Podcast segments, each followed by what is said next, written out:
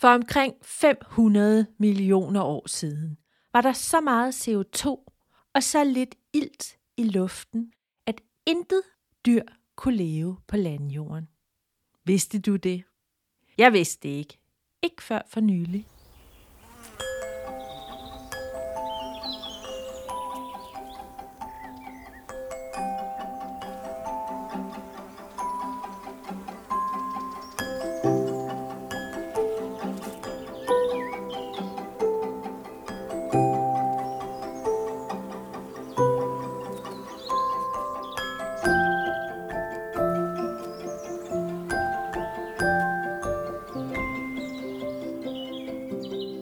Velkommen til episode 4 af Grønne Fortællinger. Jeg hedder Trine Krarup, og jeg er historiefortæller. Hvis du ikke har hørt nogen af mine tidligere podcasts, så spørger du måske dig selv, hvad er grønne fortællinger for noget, og hvad skal du bruge dem til? Nu skal du høre. Grunden til, at jeg begyndte at lave den her podcast, og at jeg i det hele taget fortæller grønne historier, det er fordi, jeg er så træt af, hvordan medierne kommunikerer død og dommedag oversvømmelser og sult og hungersnød og flygtninge, når de taler om klimaforandringer og tab af biodiversitet. Jeg bliver så bange, og jeg får lyst til at lukke mig helt ned og sætte mig i sofaen og se Netflix og tænke på noget andet. Men det er bare ikke det, verden har brug for. Verden har brug for, at du og jeg, og alle andre for den sags skyld, gør noget andet, end vi plejer. Så jeg håber med mine grønne fortællinger at inspirere til lige netop det. I den her episode har jeg introduceret noget nyt, nemlig podcastens bedste klimaråd til dig. Det er et nemt og effektivt råd til at bidrage til en mere bæredygtig og grøn verden. Men du skal selvfølgelig først høre historier. Jeg fortæller to folkeeventyr. Et kort estisk folkeeventyr, som hedder Træet og dyret, så fortæller jeg et folkeeventyr fra Uganda, som hedder Fabelrevene. Men allerførst kan du lytte til en historie, som jeg selv har lavet. Den hedder Historien om jorden, intet mindre. Den kommer her. Rigtig god fornøjelse.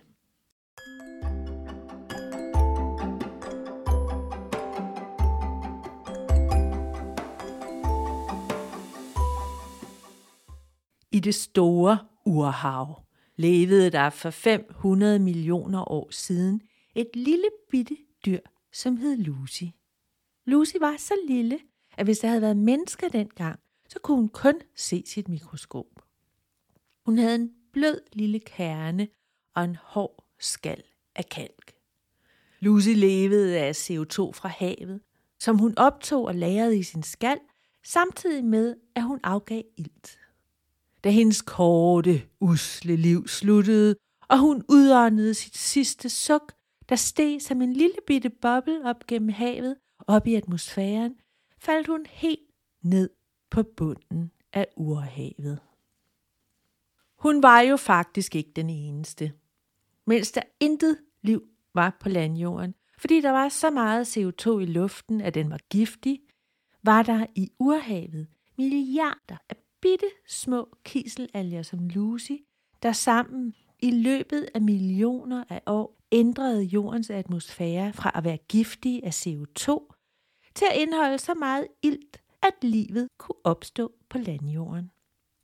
Nu kunne både dinosaurer, fugle og dyr leve og trække vejret på jorden. Lucy og de milliarder af andre kiselalger lagrede sig på havets bund efterhånden som de døde. Og i løbet af millioner af år blev de små dyr omdannet til kalksten og kridt med et enormt lager af CO2 bundet der dybt nede på bunden af urhavet. Tiden gik, og der opstod kraftige jordskælv, som skubbede store mængder af kalksten og kridt op på land og for ganske nylig i jordens historie opstod en ny livsform. Mennesket. Og menneskerne, de fandt ud af at bruge kalksten til at bygge huse, slotte og broer af. På et tidspunkt i antikken fandt menneskerne også ud af, at når de opvarmede kalksten eller kridt, kunne de fremstille en superlim, som blandet med småsten og sand blev til et meget hårdt materiale, som de kaldte cement, og vi stadigvæk bruger i kolossale mængder i byggeriet i dag. Med moderne cement kan man lave beton og konstruere enorme bygningsværker, som for eksempel boksen i Herning og Øresundsbroen. Og jeg har hørt, at man i Malaysia har bygget et højhus, som er mere end 1 kilometer højt. Når man fremstiller cement, skal kalkstenen opvarmes til meget høje temperaturer, så høje er al den CO2, som Lucy og de andre kiselalger sugede ud af atmosfæren og lagrede trygt på havets bund i millioner af år, bliver frigivet. Når vi i dag producerer et ton cement, sender det næsten et ton CO2 tilbage i atmosfæren. Menneskene er med andre ord begyndt at omdanne jorden til et sted, hvor det er svært for både mennesker og dyr at leve. Det kan man jo blive helt deprimeret over. Men ved du hvad? Der er så meget at gøre. Og der bliver forsket på livet løs i hele verden efter løsninger. En mand, der har gjort mig meget håbefuld, er en amerikaner ved navn Ben Lam. Han er iværksætter og har et firma, som arbejder med kunstig intelligens. De har udviklet en bioreaktor, som kan placeres alle vegne. Den indeholder alger, der suger luftens koldioxid til sig og frigiver ilt helt på samme måde som Lucy. Restproduktet kan bruges til både fødevarer og fremstilling af blandt andet gummisko, medicin og benzin. Bens mission er at gøre bioreaktoren så billig, at det er nemt for almindelige mennesker at købe og installere den. Og der er mange andre løsninger undervejs.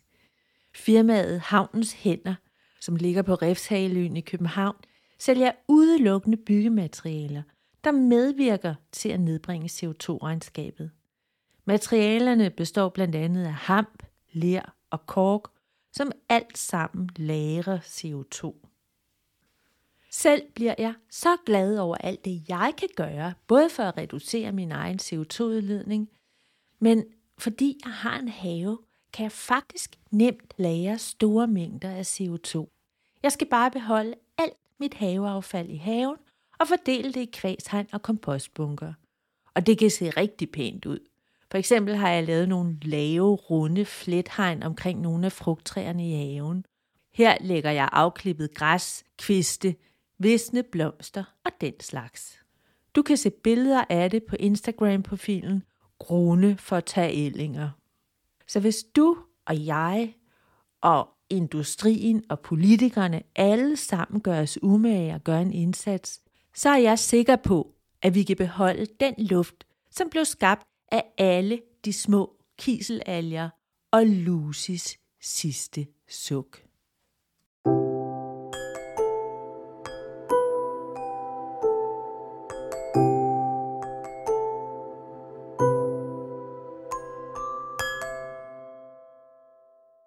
For mange år siden var der en konge i Uganda, der ønskede sig en zoologisk have.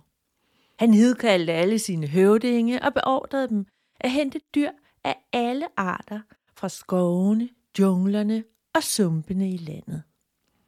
Han anlagde en smuk have og købte buer, som dyrene kunne bo i.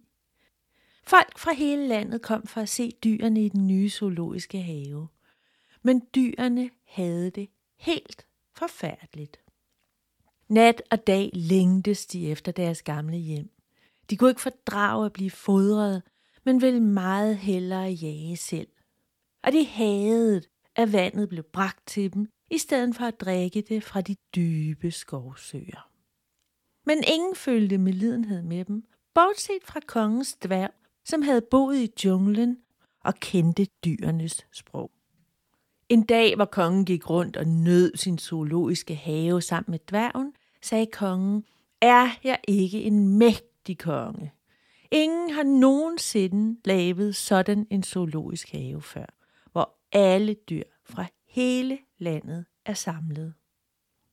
Men dværgen svarede, ikke alle dyr, konge. I Mukono-skoven findes der et dyr, som ingen af dine høvdinge har bragt hertil. For selvom det hyler hele natten, har intet menneske nogensinde set det. Nogen siger, det er flagermus, andre siger, det er dovendyr, og nogen mener, at det er fabelræve med vinger af nattens tåge. Da kongen hørte det, sagde han, jeg vil have alle dyr i min have. Jeg tager selv til Mukonoskoven og henter en fabelrev. Så han sendte bud efter Seki Bobo, som var en af hans høvdinge, og beordrede ham til at bygge en stor lejr nær skoven. Mændene arbejdede dag og nat, lige til lejren var færdig, og kongen drog afsted til Mukonoskoven med hele sit hof. I tre måneder boede kongen i lejren, og hver nat tog han ind i skoven. Men selvom han kunne høre fabelrevene hyle omkring sig, så så han aldrig en eneste. Nogle gange kom lyden fra ovenover hans hoved, men når han kiggede op, var der intet at se. Andre gange kom den fra jorden ved hans fødder, men heller ikke der var der noget at se. Af og til kom lyden fra venstre, andre gange fra højre, men aldrig fik kongen øje på dyret. Folk begyndte at kalde fabelrevene for en yoga, som betyder drillepinde, fordi de drillede kongen hver nat. Til sidst måtte de vende hjem til hovedstaden. Kongen var sørgeligt til mode. Dværgen sad ved siden af og spurgte, hvorfor er kongen så ked af det? Og kongen svarede, jeg er ked af, at jeg ikke fandt en fabelrev til min have. Men der er også en anden grund. Jeg har lært at elske de smukke skove og jungler, de kønne lysninger og de skyggefulde stier og dybe søer. Månelyset i byen er aldrig så dejligt som i naturen, og jeg er ked af, at jeg måtte forlade Mokonoskovene. skovene så sagde dværgen, hvis du er så ked af at forlade skoven efter kun tre måneder, hvordan tror du så dyrene i din zoologiske have i deres buer har det efter et helt liv i naturen? I din smukke have er de kun fanger. Kongen lyttede efter tænksomt til dværgens ord. Han var stille i nogen tid. Så kaldte han på Sigibobo, Bobo og sagde, send hurtigt bud efter alle høvdingene, og sig, at alle dyrene i den zoologiske have skal sendes hjem til det sted, de kom fra. Jeg ønsker ikke nogen fanger mere. Den dag i dag er der en vej fra hovedstaden Kampala til Jinja, som løber tæt forbi Mukono-skoven. Og hvis du tager dig til, kan du høre en yogaen, drillepinden, hyle om natten, men ingen har nogensinde set den. Nogen siger, at det er flagermus, andre at det er dovendyr, og nogen mener, at det er fabelræve med vinger af nattens tåge.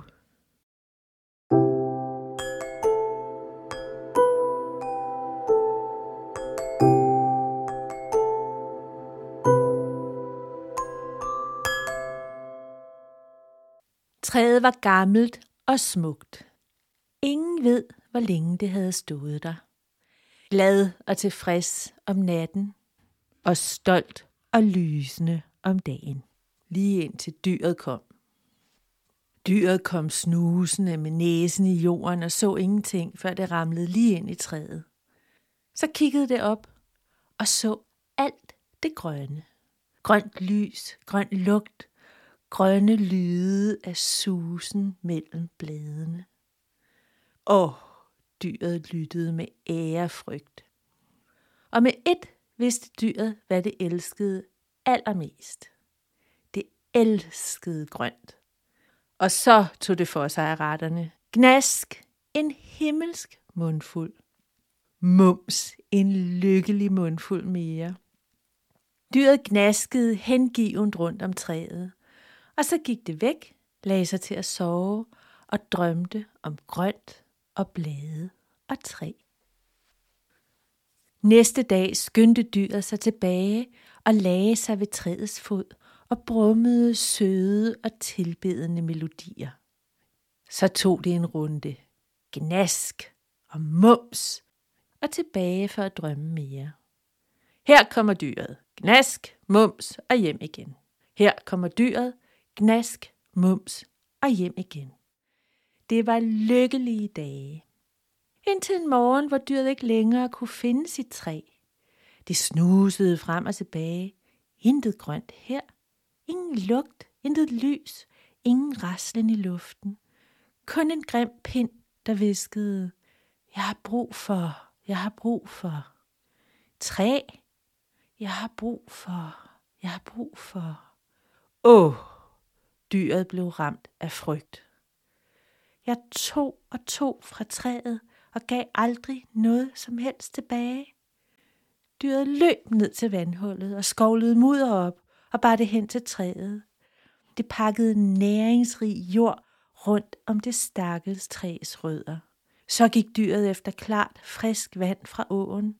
Hent mudder, hent vand og lagde blade til at dække rødderne. Ingen gnasken nu. Kun redde, kun smukke handlinger. Dyret lærte sin lektie. Og vi kan også lære det. Vi kan også give tilbage. Jeg tager, jeg giver, jeg tager, jeg giver. På samme måde som dyret.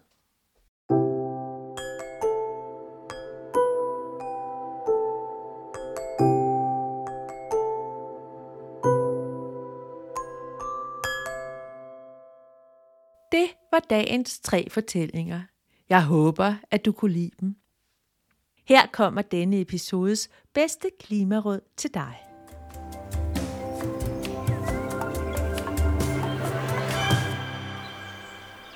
Det er virkelig nemt. Du behøver faktisk ikke at vaske dit tøj ret meget. For eksempel kan du hænge jeans og bluser uden pletter til luftning. Særligt her om vinteren i frostvejr bliver tøjet dejligt, friskt og velduftende, men også en god gang luftning i sommer, efterårs eller forårsblæsten gør underværker. Der er så mange fordele, både for klimaet og for dig selv. Du udleder mindre CO2, fordi du bruger mindre strøm på tøjvask. Du sparer vand og vaskemiddel. Men tøjet holder også længere, fordi vask slider virkelig meget på tekstiler. Både på farve og på stof. Desuden står tøjindustrien for omkring 10% af verdens CO2-udledning. Den har et massivt forbrug af vand og kemikalier, og ofte virkelig dårlige arbejdsvilkår mange steder i verden. Så jo længere du bruger dit tøj og undlader at købe nyt, desto bedre. Og så sparer du oven i købet både penge og tid.